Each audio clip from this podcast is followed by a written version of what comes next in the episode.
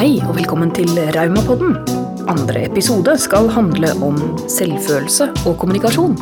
Det er som vanlig Anna Frykselius og Joakim Sagen i studio, og med oss har vi en spennende gjest.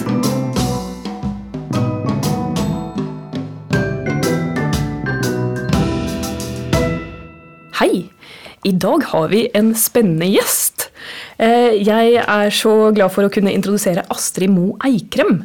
Vil du fortelle litt om deg selv, Astrid? Ja, hei. Takk for at jeg fikk komme og være med på Revmapodden. Jeg heter Astrid, og jeg eh, jobber som coach og personlig trener. eh, I mitt eget lille firma, og det har jeg gjort i åtte år. Okay. Og jeg jobber Jeg har sjøl MS, eh, og har hatt det i ti år. Ja. Og jobber mye, mye av mine kunder har eh, en eller annen eh, fysisk utfordring. Som jeg jobber med mentale teknikker for at de skal håndtere bedre. Og så jobber vi veldig mye med fysisk aktivitet, som også hjelper til for at en får det bedre. At en håndterer bedre den sykdommen. Ja, det er, eh, det er ikke så lett å forklare for andre hvordan det påvirker deg å leve med en kronisk sykdom. Også hvis du selv har det, som du har da, som coach, Astrid. At du, da kan jeg tenke meg at du kan gi rådgivning da, på en helt annen måte enn hva f.eks. en fastlege eller en fysioterapeut kan.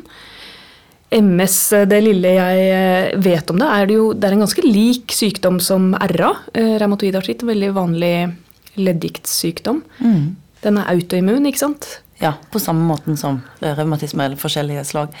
Du, eh, den angriper da nervesystemet, eh, og disse herne polstringene rundt nervestrengene vil eh, smuldre opp, sånn at du kan få arr på sentralnervesystemet. Det er det det betyr. Multiple sklerose. Mange arr. Og da eh, er ikke både fatigue og smerter er ganske vanlige liksom, langtids... Ja, veldig mange er plaga av fatigue. Og også problemet med å bevege seg, f.eks. Det, det, gå, det kommer litt an på hvilke nervetråder som blir angrepet, hvilke symptomer du får, og hvilke skader du får. da. Så det gjelder å ikke få betennelse, rett og slett. Holde, holde, den- holde deg frisk i immunforsvaret ditt. Oi, ja, det høres lett ut. Ja, ja, du må holde deg frisk. Det Ja. kan man si nå midt på vinteren hvor vi går rundt og hoster på hverandre over en eh, lav sko. Det er, eh, det er skummelt med autoimmune sykdommer. og eh, sånn, Jeg syns det er veldig spennende som jobber med revmatikere og har eh, revmatisk sykdom selv. Eh, det er én ting å være liksom akuttsyk eller gå gjennom en skadeperiode eller en sykdomsperiode, men det her når du får en diagnose som varer livet ut, da. Det, dette kommer du til å leve med i all overskuelig framtid. Så må man jo bli kjent med sykdommen og seg selv på en ny måte. Da. Altså, sykdommen blir jo en del av livet ditt enten du vil det eller ei, og da blir den også en integrert del av selvbildet ditt. Og det er egentlig det mm, vi skal snakke litt mer om her i dag. Også hvordan påvirker det selvbildet og selvfølelsen din når du har en kronisk sykdom som ikke går over. Um, og dette er masse ord vi, vi kommer til å kaste opp, og som vi liksom uh, hiver rundt oss hele tiden. Selvfølelse med her og selvtillit med der. Men eh, hva er det vi egentlig legger i de ordene? Joakim, eh, kan ikke du hjelpe oss litt? Selvbildet er den oppfatningen man har om seg selv i forhold til det eh, samfunnet man lever i. Jeg tenker at det kan være eh, verre kanskje for, eh, for uh, unge å finne seg et godt selvbilde fordi at man er på jakt etter å uh, skape en slags trygghet i seg selv. Da. Eh, når man har en selvtillit eller en sikkerhet og vet hva man er trygg på, så vil også selvbildet øke, tenker jeg. Så hvis man finner sine gode egenskaper eh, og hva, man, hva som er sine styrker, så blir det ikke lenger så farlig om man har en revmatisk sykdom, for det er ikke det som definerer deg som person. Men hvor lang tid man bruker på å styrke sitt eget selvbilde, vil variere fra person til person og støtteapparatet man har rundt seg.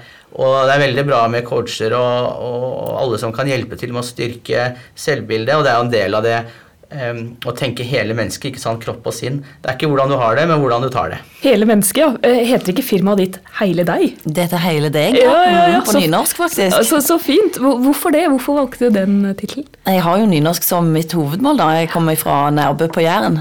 Og for meg så var det naturlig å velge litt sånn For jeg syns ofte det blir litt jålete. Hvis det hadde vært he hele deg, så hadde det blitt litt for jålete, Men, men hele deg, det blir, det, da handler det jo om akkurat det Joakim snakker om, at vi, vi er hele mennesker, eller? Ja, At det er akkurat det. ja. Det er kropp, kropp og sjel. Ja. Absolutt.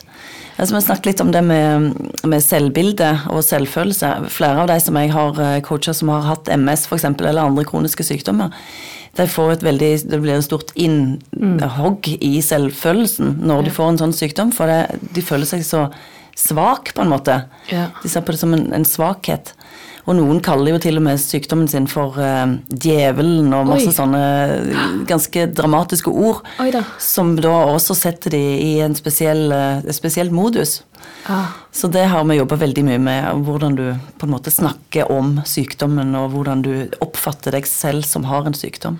Det der syns jeg er kjempespennende, også fordi ehm, jeg møter så mange som, som har sykdom som sier at de må slåss for å må kjempe mot sykdommen. Og det jeg tenker da når du sier jeg skal kjempe mot sykdommen, og du har en, en langvarig sykdom som virkelig er, kommer til å være en del av kroppen din lenge, da, da du kjemper mot kroppen din. Det er det du gjør. Ja, du gjør altså. Sykdommen er ikke separat fra kroppen din, den er i kroppen din. Så når du sier du må slåss du må slåss mot sykdommen, eller jeg skal slåss mot denne sykdommen, ja, da skal du slåss med deg selv, da, egentlig. Ja. Det er noe Det er litt, med, kroppen blir en krigssone. Ja, ikke sant? Og da det, det spørs om det gir deg positive eh, innvirkningen på kroppen, for det henger veldig sammen med det du tenker oppi hodet ditt, og hvordan kroppen din har det. Ok. Ja, selvfølelse det handler jo om å være glad i seg selv. Og da kan man ikke si at sykdommen er på utsiden av deg selv. Eh, så Men, men, eh, men eh, det er veldig sånn tricky å tenke at, eh, at eh, man har en sykdom som man også må være glad i, for det er jo noe som gjør vondt og er eh, på en måte litt fremmed. Men eh, eh, Kanskje det er lettere Kanskje det er lettere å liksom skille ut sykdommen. Altså, jeg, jeg forstår at man gjør det i begynnelsen. Når man blir syk, så er det naturlig at man tenker på sykdommen som en inntrenger. Eh, sykdommen er en inntrenger, en fiende. Eh, og det kan jo funke med sånn kortvarige infeksjoner, og det kan sikkert også funke med kreft, selv om jeg er litt sånn usikker på om det er så lurt.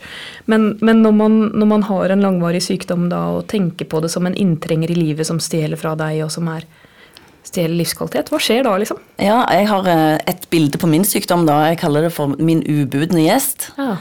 Nesten som en sånn eh, litt sånn eh, grandtante som kommer fra, fra Jæren til Oslo og, og skal være på besøk. For alltid. For alltid, ja, som helst ikke vil dra. Og da gjelder det å behandle henne akkurat passe bra. Altså Hvis jeg behandler henne dårlig, så lager hun masse trøbbel. Aha. Hvis jeg behandler henne altfor godt, så blir hun værende i det uendelige. Sant? Oi, oi, oi. Så sånn er det med sykdommen nå. Jeg tenker liksom, jeg kan ikke neglisjere det eller late som hun ikke er der. Jeg må ta hensyn Til din ubudne gjest. til min ubudne gjest. Grandtante Ja, Ja. Klara. Klara. Ja, nemlig. Klara. Mm. Men jeg kan ikke dulle og dille og la det ta altfor stor plass av livet mitt, for da blir han liksom bare værende ta altfor stor plass, da. Tar, da, da flytter hun opp i stua og Ja. tar over hele, hele Soverommet. Mm. Mm. Jeg tenker at det er viktig at man ikke definerer seg selv som eh, en revmatiker, f.eks. Man har en revmatisk sykdom. Så det er vi litt opptatt av i Norsk Revmatikerforbund, at vi sier ikke eh, eh, revmatikere. Vi sier eh, med en revmatisk sykdom. Ja. Eh, for man eh, er ikke sykdommen sin, da. Ja, Det er vel et tidsskifte også, for det, vi, ja, vi er hele mennesker. Vi er så mye mer. Altså, jeg er eh, Jeg er eh, jeg har masse hobbyer. Jeg er eh, hobbysyklist, jeg er eh, tobarnsmor, jeg er eh, dugnadsgeneral og diverse andre ting. Og så, mm, så har jeg en revmatisk sykdom. Jeg vet ikke. Det, Jeg tror det som er utfordrende med å ha en kronisk sykdom, i tillegg til smertene, det er at eh, man eh, Det er noe som ikke andre har. Altså det er en, eh, det er, vi lever i en verden hvor det normale, det perfekte er det normale. Og alle kan jo føle seg utilstrekkelig, og i hvert fall hvis man har en diagnose, noe konkret å peke på. Dette gjør at jeg skiller meg fra andre. Eh, og det er litt med å skape trygghet i seg selv, da. Som jeg, ja, at, at eh, det tross alt ikke gjør noe. Men, eh, men når man ser liksom på treningsmagasiner og trening og sånt, så er det veldig kroppsfokus. Og, og på detaljnivå så er, er det veldig vanskelig å se utover det, da. Ja, ja virkelig. Altså Generasjon, hva, hva, hva, er det man kaller eh, det? Det er generasjon, prestasjon og perfeksjon. da. Man snakker om at eh, det er viktig å trene og, og sånn for helsemessige årsaker, og det er jo det som er det politisk riktige å si. Men jeg tror veldig mange trener for et, et eh, kroppsideal da, som, eh, som, fremmes hele tiden. Og det er ikke sånn at eh, fordi man har en revmatisk sykdom eller muskel- og skjelettsykdom, så lar man seg ikke påvirke av de eh, idealene som blir presset. Sånn at eh, f.eks. for eksempel eh, liksom strandkroppen, eh, liksom tren mot det og sånn. Eh, også, ja, det er på tide nå. Ja, også, også 2019, strandkroppen. Ja, eh, men, men eh, ja, det er, det, er, det er, ikke så lett. Den har ikke, den har ikke arr og Man går ikke rundt med medisindosetter og må gå og ta Eh, sprøyter eh, for å holde seg på beina når man jobber mot strandkroppen. Det er liksom helt motsettende. Mm. Ja, sykdom er aldri veldig sexy sånn sett. Så, så det, det, kan, eh, som vi snakket her om selv, selvbildet og selvfølelsen Det å, å, ha fått en sykdom som du må håndtere, det kan gjøre at du mister litt eh, selvtilliten, da. Mm. Men å jobbe med det, det er jo eh, Mennesket er jo eh, mye mer enn bare utseende eller at du skal være, se sånn og sånn ut eller være så og så sprek. Sånn som du sa her, vi er jo, vi er jo hele mennesket. Vi, er jo både, vi har jo veldig mange roller i livet. Mm. Mm. Så er det hvordan vi, hvordan vi, tenker på sykdommen, har vi liksom prata litt om. Eh, hvordan man definerer sykdommen. Jeg tror jeg har jeg har hørt veldig mange interessante definisjoner, og det har sikkert du som har jobbet da som, som coach. Hvordan endrer det seg over tid, tenker jeg? Er det sånn du tydelig ser et, eh, at folk utvikler det bildet? Hva er sykdommen? Jeg kan snakke for min egen del. da. Når jeg fikk sykdommen, så var det jo et, eh, et kjempesjokk. Og jeg brukte lang tid. Det var ikke snakk om å liksom brette opp ermene med det samme og liksom de eh, motbakketing går oppover. Sant? Da var jeg bare langt nede og syntes at alt var bare dritt, rett og slett. Mm. Så jeg brukte lang tid på det. Men det som var nøkkelen for meg for å komme liksom i neste fase, det var å akseptere at den sykdommen der, den, den er en kronisk sykdom. Den fins det ingen kur for. Og jeg kan ikke sitte og google og prøve å løse problemet for sjøl. Mm. Jeg må på en måte bare legge det bak meg. Og så, når jeg da hadde akseptert, så skjønte jeg her, nå kan jeg begynne å gå inn og gjøre noe, altså ta noen tiltak. Så du måtte gi opp å finne mirakelkuren, du da? Ja, rett og slett. Ja. Og i det jeg gjorde det, og liksom sa ok, det ligger utenfor min kontroll, det er akkurat som når du tar fly, sant. Ja. Hvis du sitter og tenker hele tida å, var det en lyd der nå, og og mistenke at piloten ikke, ikke er flink nok, mm. så blir du kjempestressa. Men hvis du kommer inn på flyet og bare Ja, nå er jeg her. Eh, dette her eh, Han skal ta meg fra A til B. Og så legger det utenfor din kontroll, så kan du, kan du slappe av. Og det er da du kan begynne å ta grep og komme deg videre. Mm. Hvordan tror du det påvirker eh, Altså, vi, vi, er forskjellige mennesker i møte med, møte med andre også. Jeg, en, jeg, har en rolle hjemme, jeg har en rolle på jobben, jeg har en rolle mot vennene mine. Og, og når, når, sykdommen blir en varig del av livet, så er jeg nødt til å lære meg å kommunisere om det på en uh, måte som ikke bryter meg ned. Da. Mm. For det, ja, hvis det er noe akutt, så kan jeg si nei, stopp hele verden, jeg må, jeg må ta pause for jeg er syk. Sånn er det jo ikke lenger. Jeg kan ikke gjøre det når jeg har en kronisk langvarig sykdom.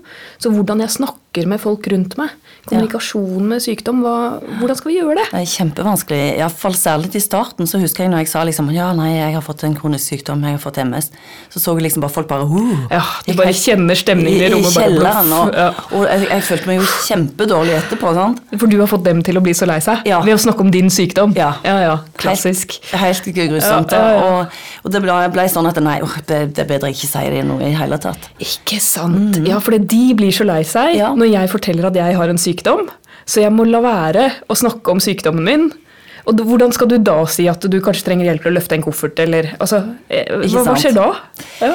Jeg brukte jo lang tid på Men det, var, det, kom samtidig med den aksepten, på en måte. At da tenkte jeg ja, men sånn er det med den saken, og da kan jeg like så godt være åpen om det. Ja. Og, og, bare informere om det på en uh, ryddig måte. Eh, som ikke legger opp til en sånn en Å ja, jeg har fått eh, Altså at du sier det mer rett fram, så det ikke åpner opp for den der eh, Nå går vi i kjelleren begge to. Stakkars deg, nå skal Ja. vi sette oss ned og gråte fordi du har fått en sykdom. Ja. Eh, offer, eh, vi- i, I Sverige så snakker vi om offerkoftan. Jeg er gift med en svenske, så jeg er litt prega. Ja. At man tar på seg offerkoftan. Hva, er det vi, hva er det vi sier her? Eh, jo, altså det kan man sette litt på kommunikasjon òg, da. Det er veldig sånn eh, Det som er litt rart, er eksempel i, le- samtale med, med, med leger, da, så tar man liksom eh, Da skal man ta på seg det motsatte offerrollen, så skal man vise meg hvor frisk man er, og Ja, hvor flink man er og sånn. Men det er akkurat der man kan være offer, tenker jeg, for å få eh, riktig behandling og god nok behandling og bli tatt på alvor. Men eh, sånn, hvis man tenker et større bilde, så eh, er det naturlig at veldig mange går inn i en offerrolle med en gang når man får en sykdom. Det vil alle gjøre. Men så er det hvor lang tid man bruker på å komme ut av den, og hvilke verktøy og hjelp man har til å, til å først akseptere, og så nyorientere seg, da.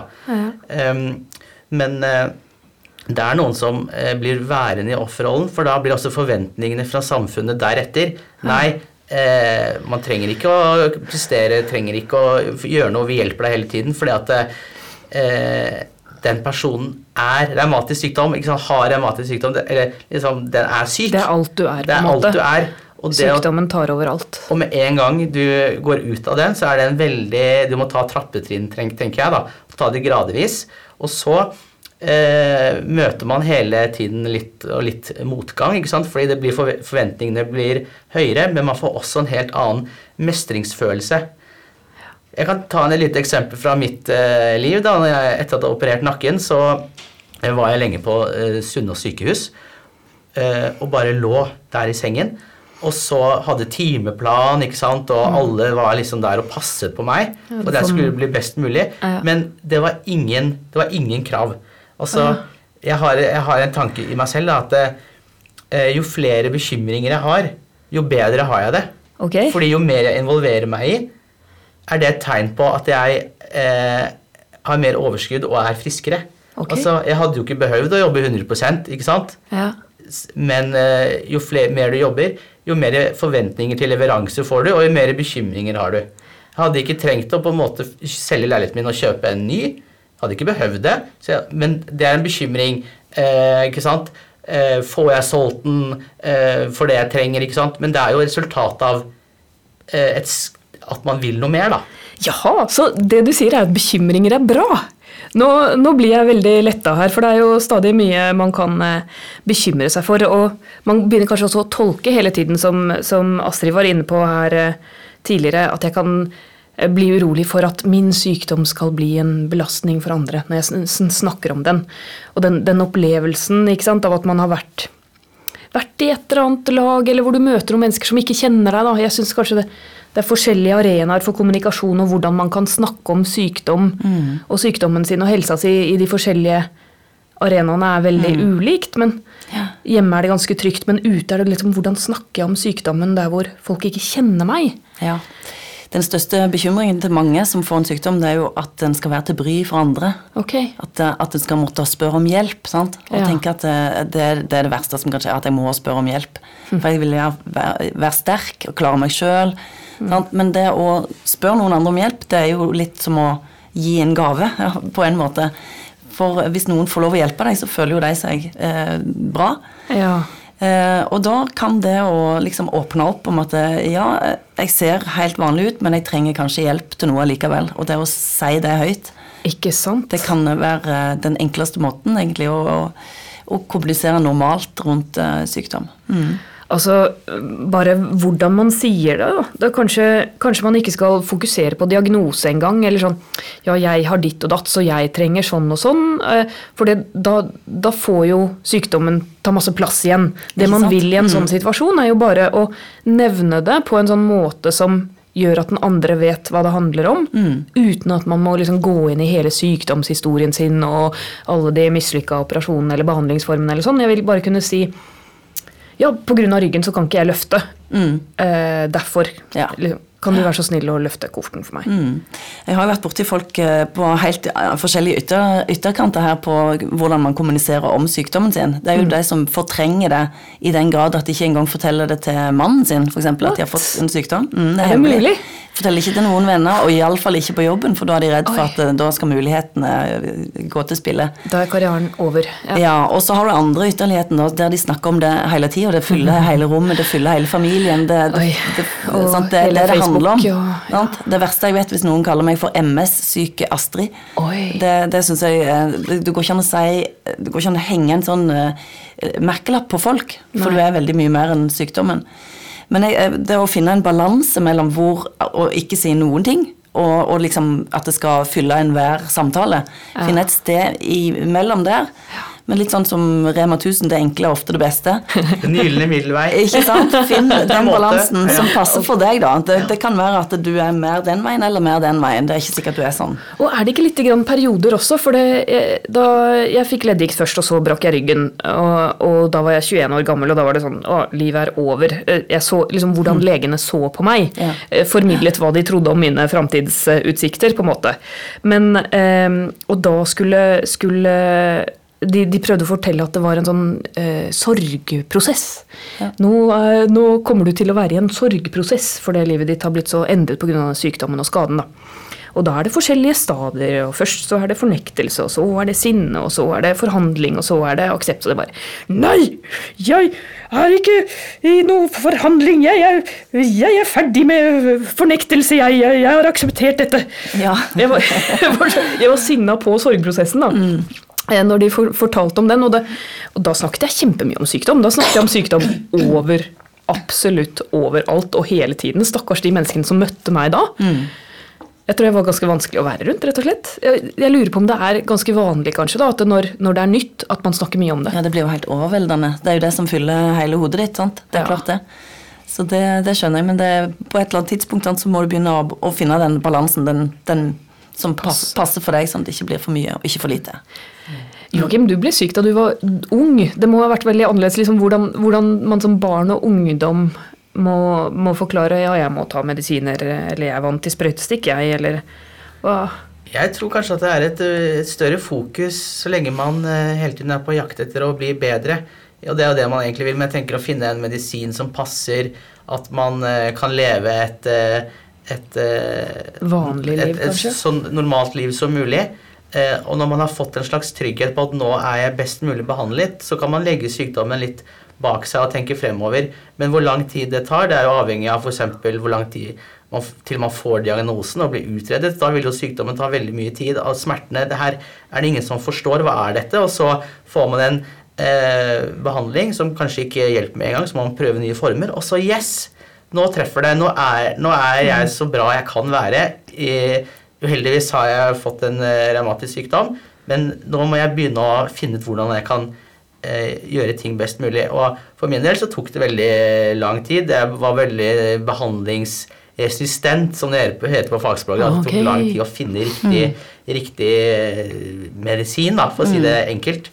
Um, men jeg ville jo ikke snakke så mye om det. Jeg ville jo spille fotball og være med alle gutta og være så normal som mulig, da, for å si det mm. sånn. Mm. Mm. Eh, så eh, det er kanskje Det hadde vært veldig smoothere hvis eh, alle forsto hva det var. Ja, at, eh, ikke sant? Eh, jeg, allerede da så valgte jeg ut ting hvor jeg ville prestere på. Jeg ville spille fotballkamp på kvelden, det var viktig ja. for meg. Oh, og da var jeg nesten like god, eller var like god på mange områder som de andre. Men jeg kunne ikke da i tillegg være med på gymmen dagen etterpå. Ja. For da var jo jeg Jeg restituerte jo saktere. Det var jo en av bivirkningene, kan du si, med, med, eller en av virkningene av sykdommen. Men en, da er det veldig vanskelig å forstå for, tre, for, de som spilte fotball med meg kvelden ja. før at du som løp kjempefort på fotballkampen i går, nå kan du ikke engang gå bort i gymsalen, basically. Ja. Og det ble brukt mot meg, at jeg var så flink. Og sånn er det litt i hele livet. ikke sant? Hvis du er kjempeflink på jobb, så kanskje ikke du presterer like bra på hjemmebane.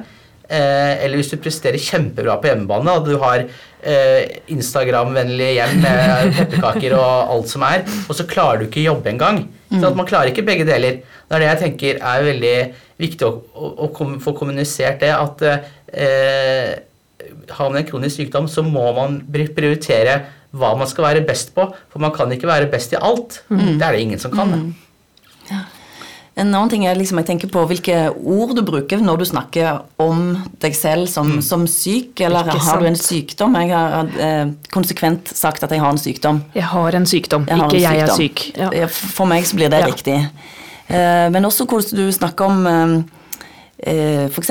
hjelpemiddel da, som du trenger å bruke. Mm. Jeg husker veldig godt jeg fikk eh, honnørkort i, i posten. Ja. Og åpna opp det brevet fra Nav, og så kom det der oransje kortet Oi, oi, ut. oi. Det var akkurat som jeg eh, Ja, det var en forferdelig følelse. Mm. Å bare gjemme det vekk, og dette her skal jeg aldri bruke. og men så er det jo selvfølgelig sånn at du får jo halv pris på transport, så da vil jeg jo bruke det. Så klart det er jo veldig dumt å ikke benytte seg av den eh, fordelen. Og så husker jeg jeg kom på, på bussen, jeg måtte alltid gjøre det litt diskré, så ikke alle de andre passasjerene skulle se at jeg hadde det kortet. Ja. Så viser jeg det fram til bussjåføren, så sier han Neimen, har du sånn skjønnhetsrabatt du, da? Åh, Og så måtte jeg jo bare le. Og, Å, det, og, og da har det fått en helt annen. Eh, verdi for meg. Eller en helt annen, det betyr noe helt annet. Så alt det der grusomme greiene, sånn pensjonist, handikap, eh, krøpling, invalid, alle de tingene som jeg la inn i det kortet, det bare forsvant med at han sa skjønnhetsrabatt. Skjønnhetsrabatt. Så sånn valg av ord på hvordan du beskriver sykdommen din, hvis du snakker om det som hun der Mm. Hun som gikk hos meg, som snakket om det som djevelen, eller det svarte, eller eh, styggen, eller masse sånne ting, sant? Så, så lager det masse stemning i kroppen din som, som påvirker også hvordan Også, du har det. også påvirker smerte og energinivå. Ikke sant? Mm. Og nå, nå kommer vi inn på noe som er litt en sånn øh, eh, fanesak for meg. Altså hvordan kronikere snakker til seg selv om seg selv. Øh, kanskje spesielt når vi, når vi trenger å sette grenser. Eh, for det er ganske klassisk med, med mange revmatiske sykdommer, sikkert også med MS, at man har gode og dårlige perioder. Mm. Og da, da er det Jeg hører så mange si da Nei, jeg kan ikke det og det, for jeg er dårlig. Ja. Jeg er dårlig nå. Jeg er, Ja. jeg er dårlig. Det er liksom en dårlig periode. Jeg er dårlig, sier de. Ja. Hva, og tenk når man går med det hele, liksom Man stempler seg selv som dårlig når sykdommen er aktiv. Det er jo det det handler om. Sykdommen er aktiv. Så jeg, jeg har mer vondt, derfor klarer jeg ikke eh, delta på den eh, samlingen. Eller Mm. ja, det ordet der vil jeg ikke anbefale å bruke. Det er så lett å Ja, bruke det. er det, det. det. Er så vanskelig å finne alternativer. Hva skal vi si isteden, liksom? Ja, det er akkurat det som du sa nå. Sykdommen har, er det en aktiv periode. Nå har jeg mer smerter enn vanlig. Eller altså, bare, bare ikke 'jeg er dårlig'. Jeg, jeg hører det hele tiden, ja. Jeg, ser- eller sånn ja, jeg, Jeg tenker eh, Personer med revmatisk sykdom Personer som har en kronisk sykdom, kan også være dårlige, men det handler ikke om sykdommen. Da har de fått forkjølelse, da. Ja. Eller at de har fått influensa. ikke sant? Og det er noe å skille mellom det. At eh, kronikere eller ikke kronikere, personer med kronisk sykdom, for man er ikke kronikere, Ja. kan også bli dårlige, men da er det som alle andre blir dårlige, tenker jeg. Jeg jobber jo litt med sånn affirmasjoner. Ja. det er sånn Å si fine ting til deg sjøl. Ja. Og for dem du kanskje ikke eh, At det stemmer. For eksempel eh, 'jeg er sprek og løper fort'. For dem det nødvendigvis ikke stemmer. Så eh, hvis du har begynt å trene, så er du kanskje i ferd med å bli sprek og kommer til å løpe fort. Men du, du sier det som om, som om det er et fakta. Ja. Og jeg har en affirmasjon som jeg bruker. Det er 'jeg er alltid frisk', jeg. Å ja. Ok. Så nå våkner jeg opp om morgenen og så sier jeg til meg sjøl jeg er alltid frisk. jeg. Istedenfor å liksom begynne å skanne og lete etter det som er vondt Ah, i dag. Hvor gjør det vondt i dag? Ja, Og så begynner jeg dagen med en sånn positiv uh, greie. Og så eh, setter det i gang en del eh, positive ting sånn mentalt som også hjelper meg fysisk. Ja. Ja. Jeg er alltid frisk, jeg. Ja. Jeg, jeg har en sånn liten rutine, det er mer ved sengetid, da, med å fokusere på takknemlighet. Ja. Ting jeg er takknemlig for. For det kan hende Jeg har mest vondt på ettermiddagen og kvelden. Jeg kan være liksom opp eh, som en løve og ned som en skinnfell. At det starter dagen, føler meg frisk som en eh, ja, friskus. Og så, og så i løpet av ettermiddagen så får jeg mer og mer vondt, og så på kvelden er jeg helt slutt. Um, men da istedenfor å ligge og kjenne på hvor vondt det gjør, da, så, så prøver jeg å gjøre sånn takknemlighetsalfabet. Jeg begynner på A, liksom, hva er jeg takknemlig for? Og så ja, appelsinjuice, eller altså ofte, ja. Og jobbe meg gjennom ting jeg er takknemlig for mm. den dagen eller i Ja. livet mitt. da. Beste medisin mot selvmedlidenhet, det, faktisk. Og, og det å også se alt som er bra, da. Og, og, og jakte etter det som har fungert i dag, og det du er takknemlig for i dag. eh, Smått og stort. Det setter så mye positive sporinger i, i hjernen din. Som, som, og hvis du gjør det om kvelden før du sovner, sant, så sovner du på en positiv, eh, opp, oppadgående bølge. Så det er bra. Ja, litt med, med eh, å ha en, en diagnose, en sykdom, eh, som man lever med lenge, så blir det en del av deg. Og så, så etter hvert så er det noe du må liksom eh, forholde deg til på en måte, men ikke ta overfokus. Det er en del av deg. Altså det er ikke, du er ikke altså, det, det blir så integrert deg at det er ikke det som definerer om du er syk eller ikke. Altså Verdens helseorganisasjon de har en, eh, en eh, definisjon som er eh, god helse eller, eller å være frisk. Det er fullstendig fravær av psykiske og fysiske og sosiale utfordringer. Og hvis man skulle lagt den til grunn, så har, har jo alle Nei. Da er jo egentlig Alle har en kronisk sykdom. Ikke sant? Og det vil man jo ikke si. Eller alle, alle, alle er syke. Er det ikke det? Vi, vi må normalisere det å ha en kronisk sykdom. Er, er, er det ikke litt det det handler om? For alle har et eller annet. Alle har et eller annet. Ja, alle har et eller annet. Også, og, og ingen av våre ting syns noe særlig på oss. Ikke sant? Man skal lete litt for å se at mm, noen av På oss godt og eh, vondt. På godt og vondt, ikke sant? Ja, for det er det med at eh, for å komme videre eh, for å, Det er konkurranse i samfunnet. At det er eh, de beste som eh, blir belønnet. Sånn er det bare. Eh, og da tar man seg veldig sammen, og sånn, og så må man ha arenaer uh, hvor, man, hvor det er akseptabelt å være syk. Og det, det vi jobber for nå, det vi må få forandring på i samfunnet, det er at det skal være akseptabelt å vise at man er syk også i samfunnet for øvrig. At ikke syk, Ja. altså, men, ikke syk, men at man har, må ha tilrettelegging, at man, må ha, at, man må, at man kan ha vondt, at man kan være sliten, og at det eh, ikke er noe dårlig egenskap i seg selv. Og heller ikke noe dramatisk, ikke sant? Så, som du snakket om tidligere også, Astrid. at det eh, hvis jeg må rette oppmerksomhet mot det at jeg har en kronisk sykdom, da, så er ikke det noe vi beh Det behøver ikke være et tema. Det er bare en, mer en aksept for at eh, det er en helt vanlig del av livet. Sykdom er en del av livet. Ja. Og alle, alle du møter, har, er mer enn det du ser. Om man har en sykdom eller om man har noe annet å stri med. Alle har sin bagasje, på en måte. Mm. Og så har man en eh, eh, kronisk sykdom, så eh, har min erfaring at veldig mange blir veldig flinke til å ta vare på seg selv.